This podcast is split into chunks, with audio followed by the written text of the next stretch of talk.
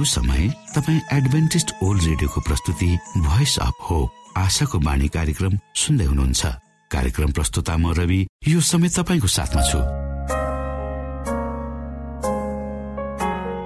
आदरणीय श्रोता लाखौं करोडौं ध्वनि तरङ्गहरूको बीचमा भरोसा योग्य आशाका आत्मिक सन्देश सहित आशाको बाणी कार्यक्रम तपाईँको सामु आइपुगेको छ। यी तरङ्गमा शक्ति छ यी तरङ्गमा जीवित परमेश्वरको अनुग्रह छ। यो कार्यक्रमलाई सुन्न रोज्नुहुने समस्त श्रोतावर्गमा हामी आभार व्यक्त गर्दछौ। आजको कार्यक्रमबाट यहाँले प्रशस्त आशिष पाउन सक्नु भएको होस्। यही शुभेच्छा व्यक्त गर्दै सधैँ झै हामी हाम्रो मूल विषयतिर जानु अगाडि सुनौ यो मधुर क्रिस्टीय भजन।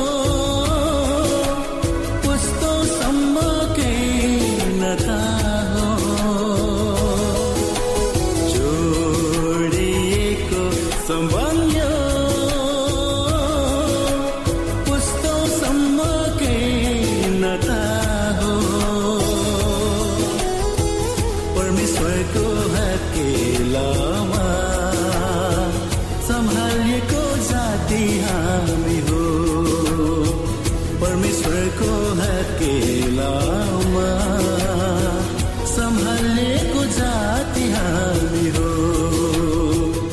थोरै चाहिँ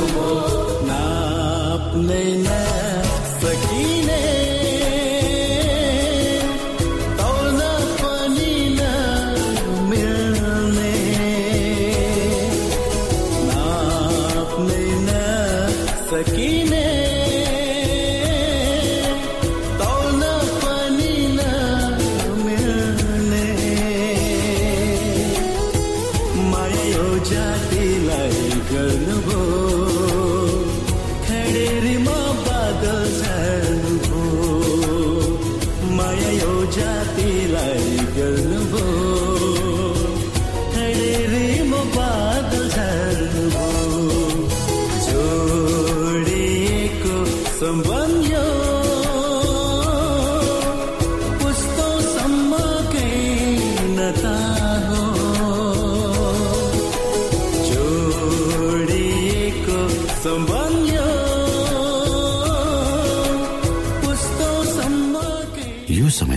एडभेन्टिस्ट ओल्ड रेडियोको प्रस्तुति भोइस अफ होप आशाको बाणी कार्यक्रम सुन्दै हुनुहुन्छ। श्रोता मित्र यो समय हामी पास्टर उमेश पोखरेलबाट आजको बाइबल सन्देश सुन्नेछौ। श्रोता साथी न्यानो अभिवादन साथ म तपाईँकै आफ्नै आफन्त अर्थात् पास्टर उमेश पोखरेल परमेश्वरको वचन लिएर यो रेडियो कार्यक्रम मार्फत पुनः तपाईँहरूको बीचमा उपस्थित भएको छु। श्रोता आउनुहोस् तपाईँ हामी केही समय परमेश्वर सँगै बिताउँ। मलाई आशा छ तपाईँले हाम्रा कार्यक्रमहरूलाई नियमित रूपमा सुन्दै हुनुहुन्छ र परमेश्वरका प्रशस्त आशिषहरू प्राप्त गर्दै हुनुहुन्छ। आजको प्रस्तुतिलाई पस्कनुभन्दा पहिले आउनुहोस् हामी परमेश्वरमा अगुवाईको लागि बिन्ती राख्नेछौँ। जीवी जिउँदो महान दयालु परमेश्वर प्रभु हामी धन्यवादी छौँ। यो जीवन र जीवनमा दिनुभएका प्रशस्त आशिषहरूको यो रेडियो कार्यक्रममा प्रभु म तपाईँको हातमा यसलाई तपाईँको राज्य र महिमाको प्रचारको खातिर प्रयोग गर्नुहोस्। सबै बिन्ती प्रभु नाम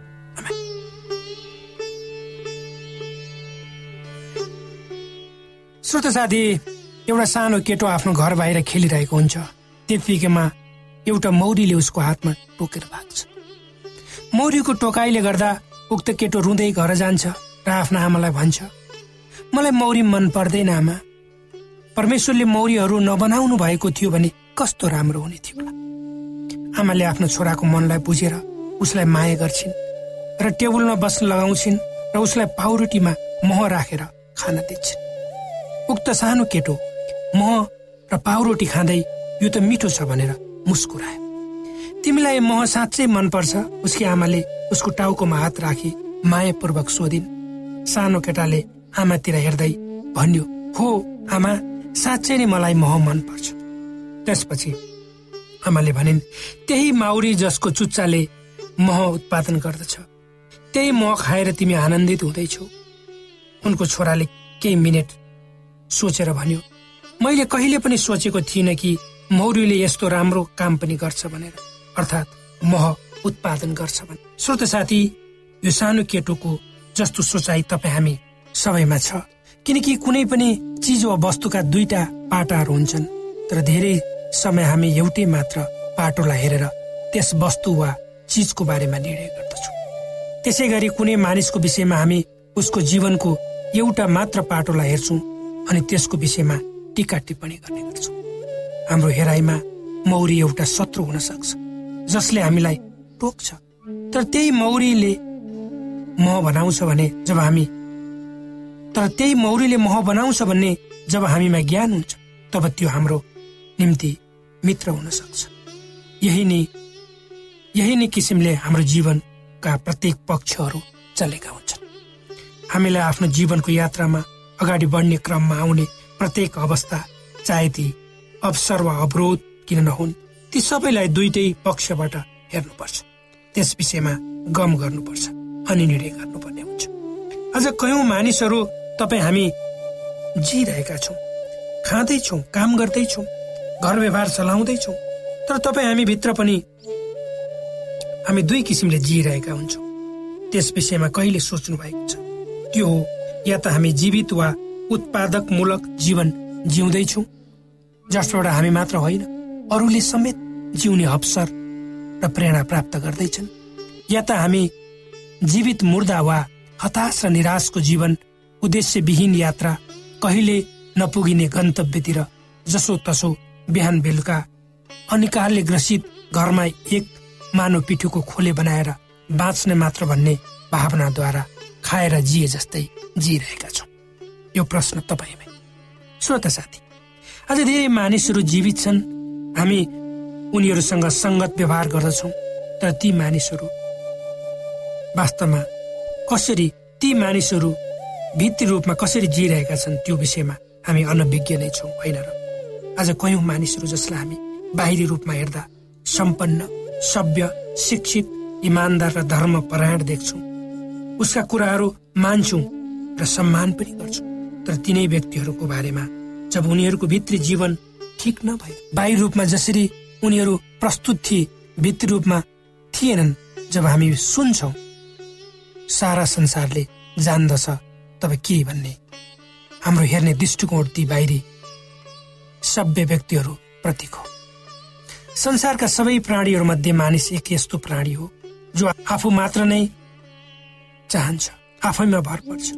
अति नै स्वार्थी स्वभाव भएको आफ्नो हितको निम्ति जति नै तल झर्न पनि सक्ने कहिलेकाहीँ त मलाई आफैमा शर्म लाग्छ दुःख पनि लाग्छ। मैले कसरी सत्तालिस लामो जीवन यो पृथ्वीमा बिताइसकेको छु? अझै पनि म को भन्ने कुरा मलाई थाहा नै म सिक्दैछु। यी लामा वर्षहरूमा मैले धेरै मानिसहरूसँग सङ्गत गर्ने मौका पाएँ र मैले सिकेका बुझेका अनि देखेका कुरामा मानिसहरूमा दुईटा स्वभावहरू हुन्छन् एउटा राम्रो अर्को नराम्रो। जब मानिस परमेश्वरतर्फ आकर्षित हुन्छ ढल्कन्छ अनि उसका ती अहम मनै हुँ भन्ने भावना उसभित्रको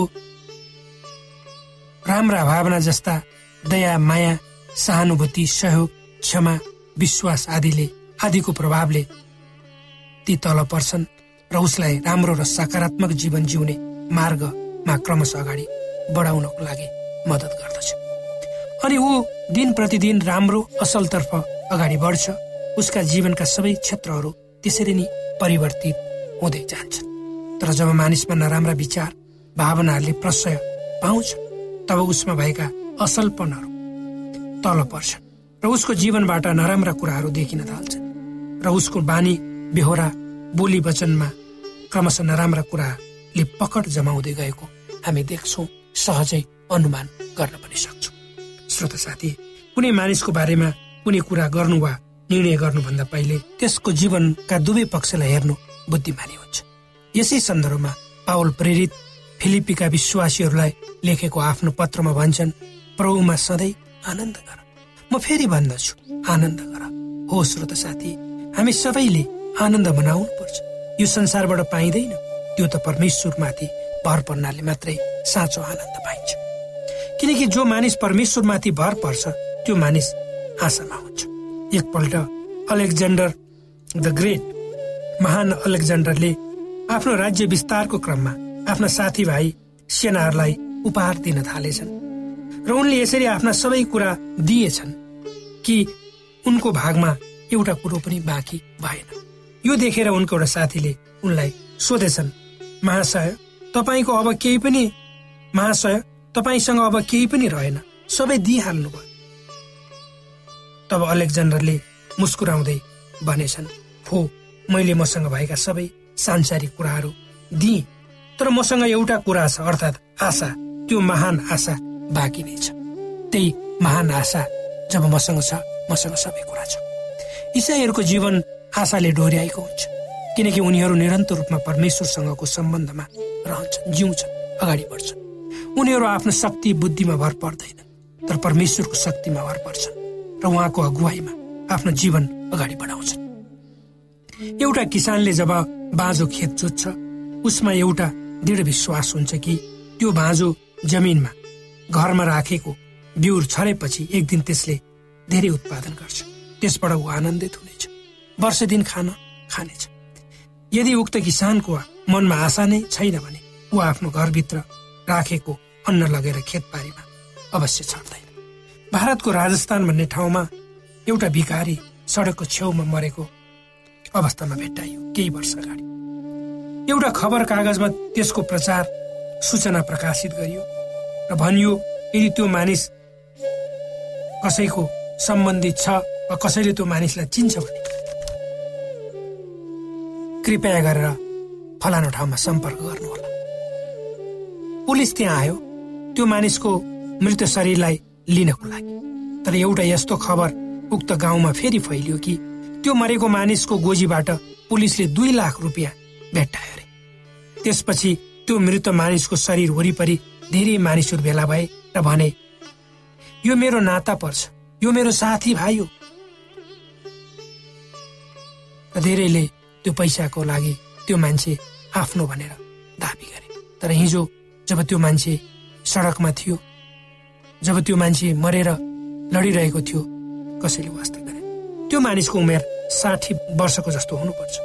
यद्यपि उसँग उमेरमा जिउनको निम्ति पर्याप्त पैसा थियो तर पनि उसले दुःखद जीवन बिताए। उसको नाम कसैलाई पनि थाहा थिएन। तर जब मानिसहरूले उसँग पैसा रहेछ भने थाहा पाए धेरै मानिसहरू उक्त पैसा आफ्नो हुनुपर्छ भने उसको अगाडि आए। श्रोता यी वचनहरूले तपाईँलाई र मलाई आशिष दिउँ।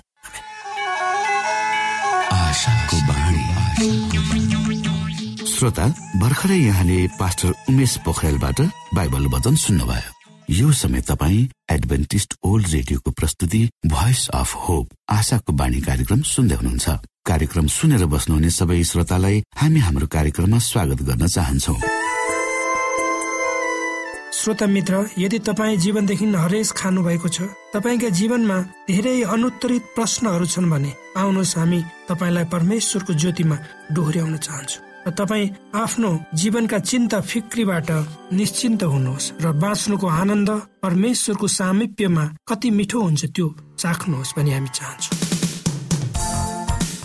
श्रोता यदि तपाईँ आशाको बाणी कार्यक्रमलाई अनलाइन सुन्न चाहनुहुन्छ वा डाउनलोड गर्न चाहनुहुन्छ भने डट ओआरजीमा जानुहोस्। त्यहाँ तपाईँले प्रत्येक दिनको कार्यक्रम सुन्न र डाउनलोड गर्न सक्नुहुनेछ। हाम्रो वेब पेज यस प्रकार छ ओआरजी श्रोता यदि तपाईँ हामीसित सिधै फोनमा सम्पर्क गर्न चाहनुहुन्छ भने हाम्रा नम्बरहरू यस प्रकार छन्।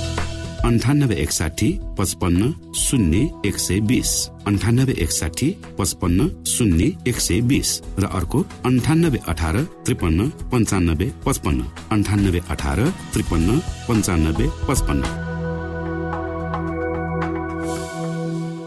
श्रोत साथी न्यानो अभिवादन। म पास्टर उमेश पोखरेल। तपाईँहरूको बिचमा गवाईको सङ्गालो लिएर उपस्थित भएको छु। आजको गवाईको शीर्षक छ रुखलाई आराधना गर्नु।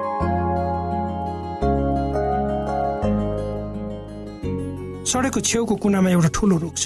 त्यस रुखका बोक्राहरू धेरै वर्षदेखिको हाम्रो पानी र सासाना बच्चाहरूका नङ्ग्राहरूले सबै उकिएका छन्। गन्न नसकिने खुट्टाहरूले कुल्चिँदा त्यहाँ धुलोहरू पनि थिचिसकेको छ।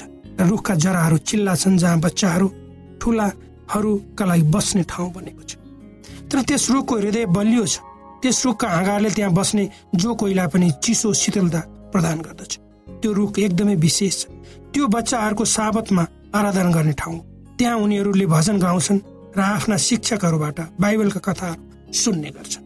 त्यो रुख नै ती बच्चाहरूको हरेक साबतको कक्षाको ठाउँ। उत्तर पश्चिम अफ्रिकाको सानो सहरमा कुनै मण्डली छैन। एउटा सानो मण्डली छ जुन एउटा सानो हल भाडामा लिएर सङ्गति गर्छ।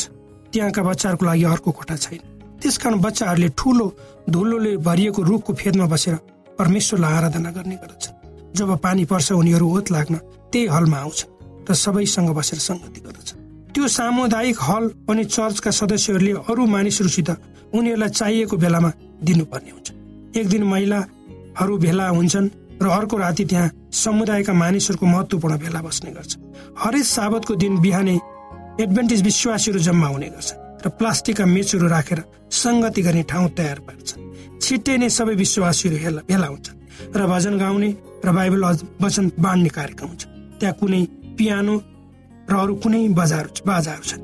ती विश्वासीहरूको बलियो मधुर आवाज झ्यालहरूबाट बाहिर सुनिन्छ अनि सुमधुर आवाज झ्यालहरूबाट बाहिर निस्कन्छ अनि समुदायका अरू व्यक्तिहरू पनि हतारिँदै चर्चा त्यही समय सासाना बच्चाहरू अलिकति टाढाको रुखमुनि बसेर परमेश्वरको सेवकाई गरिरहेका हुन्छ उनीहरूको मधुर आवाजले परमेश्वरको प्रशंसा गर्छ। त्यत्तिकैमा शिक्षिकाहरूले सोध्छिन् गएको हप्ताको बाइबलको पद कसलाई थाहा छ?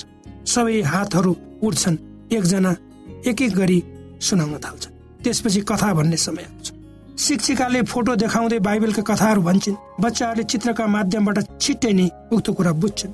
शिक्षिकाले कथा सिकाएपछि केही प्रश्नहरू सोध्छन् र उत्तर दिन धेरै बच्चाहरूको हात उठ्छन् र एक एक गरी बाइबलका पदहरू भन्छन्। र उनले सोधेका प्रश्नका उत्तरहरू दिन्छन्। शिक्षिकाले कथा भनिसकेपछि आउने हप्ताको लागि बाइबलको पद दिने बेला आउँछ। आजको बाइबलको पद छ फिलिपी चार अध्यायको उन्नाइस। शिक्षिकाले भन्छन् मेरा परमेश्वरले आफ्नो महिमा उहाँको सम्पत्ति अनुसार तिमीहरूको हरेक खाँचो क्रिस यसुमा पुरा गरिदिनुहुन्छ।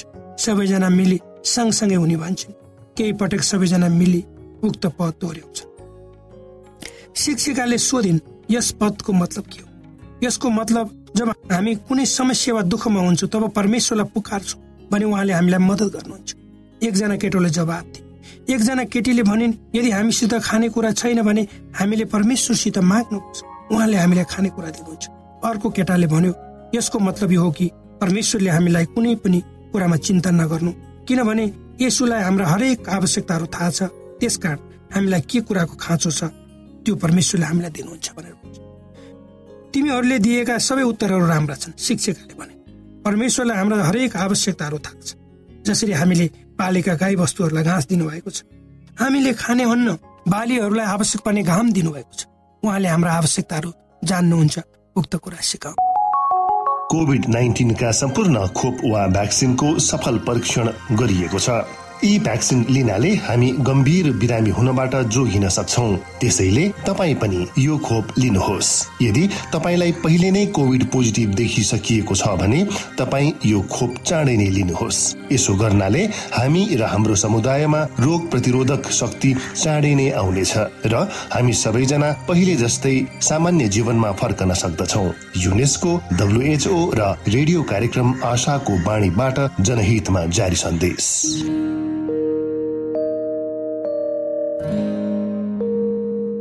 आदरणीय मित्र बाइबलले बताएको छ परमेश्वरले तिर्खाकाहरूलाई तृप्त पार्नुहुन्छ र भोकालाई उत्तम पदार्थले सन्तुष्ट पार्नुहुन्छ। हामीलाई दिइएको यो छोटो समय आशाको बाणीको प्रस्तुतिको समयमा हामीले हाम्रा श्रोताको आत्मिक भोकलाई केही मात्रामा भए तापनि सही प्रकारको खुराक पस्केर आत्मिक सन्तुष्टि दिन सकेका छौँ केही ऊर्जा थप्न सकेका छौँ भनेर हामीले आशा राखेका छौँ। आफ्ना मनमा भएका केही दुविधा र शङ्काहरू छन् भने अवश्य हामीसँग बाँडेर शङ्काको निवारण गर्नुहुनेछ र सही प्रकारको बाटो पहिलाउन सक्नुहुनेछ परमेश्वरको सच्चाइले अझ राम्रो बुझ्न सक्नुहुनेछ र आफ्नो जीवनलाई परमेश्वरमा पूर्ण समर्पित भएर समर्पण सहितको जीवन बिताउन सक्नुहुनेछ भनेर आशा राख्दै अब हामी हाम्रो कार्यक्रम सकिएको जानकारी यहाँलाई गराउन चाहन्छौ। जानुभन्दा अगाडि श्रोता हामी यहाँलाई हाम्रो ठेगानाको विषयमा जानकारी गरौं। हामीसँग पत्राचार गर्ने हाम्रो ठेगाना यस प्रकार छ। आशाको बाणी पोस्ट बक्स नम्बर दुई शून्य शून्य शून्य दुई काठमाडौँ नेपाल। आशाको बाणी पोस्ट बक्स नम्बर दुई शून्य शून्य शून्य दुई काठमाडौँ नेपाल। यसै गरी श्रोता यदि तपाईँ हामीसँग सिधै कुराकानी गर्न चाहनुहुन्छ भने हाम्रो फोन नम्बर यस प्रकार छ अन्ठानब्बे एकसाठी पचपन्न शून्य एक सय बिस। र अर्को अन्ठानब्बे अठार त्रिपन्न पन्चानब्बे पचपन्न। यदि तपाईँ हामीलाई अनलाइन सुन्न चाहनुहुन्छ वा डाउनलोड गर्न चाहनुहुन्छ भने तपाईँ W W W dot AWR dot ओआरजीमा जानुहोस् र त्यहाँ तपाईँले हाम्रा सबै कार्यक्रमहरू सुन्न सक्नुहुनेछ। हाम्रो वेब पेज यस प्रकार छ W W W dot AWR dot ORG श्रोता यसमा गएर तपाईँले हाम्रा दैनिक कार्यक्रमलाई सुन्न सक्नुहुनेछ र डाउनलोड पनि गर्न सक्नुहुनेछ। हवस् त श्रोता हाम्रो कार्यक्रम सुनिदिनु भएकोमा एकचोटि फेरि यहाँलाई धन्यवाद दिँदै भोलि फेरि यही स्टेशन यही समयमा यहाँसँग भेट्ने आशा राख्दै प्राविधिक साथी राजेश र पास्टर उमेश पोखरेल र कार्यक्रम प्रस्तुता म रवि यहाँसँग विदा माग्दछौ। परमेश्वरले तपाईँलाई धेरै धेरै आशिष दिनु भएको होस्। नमस्कार।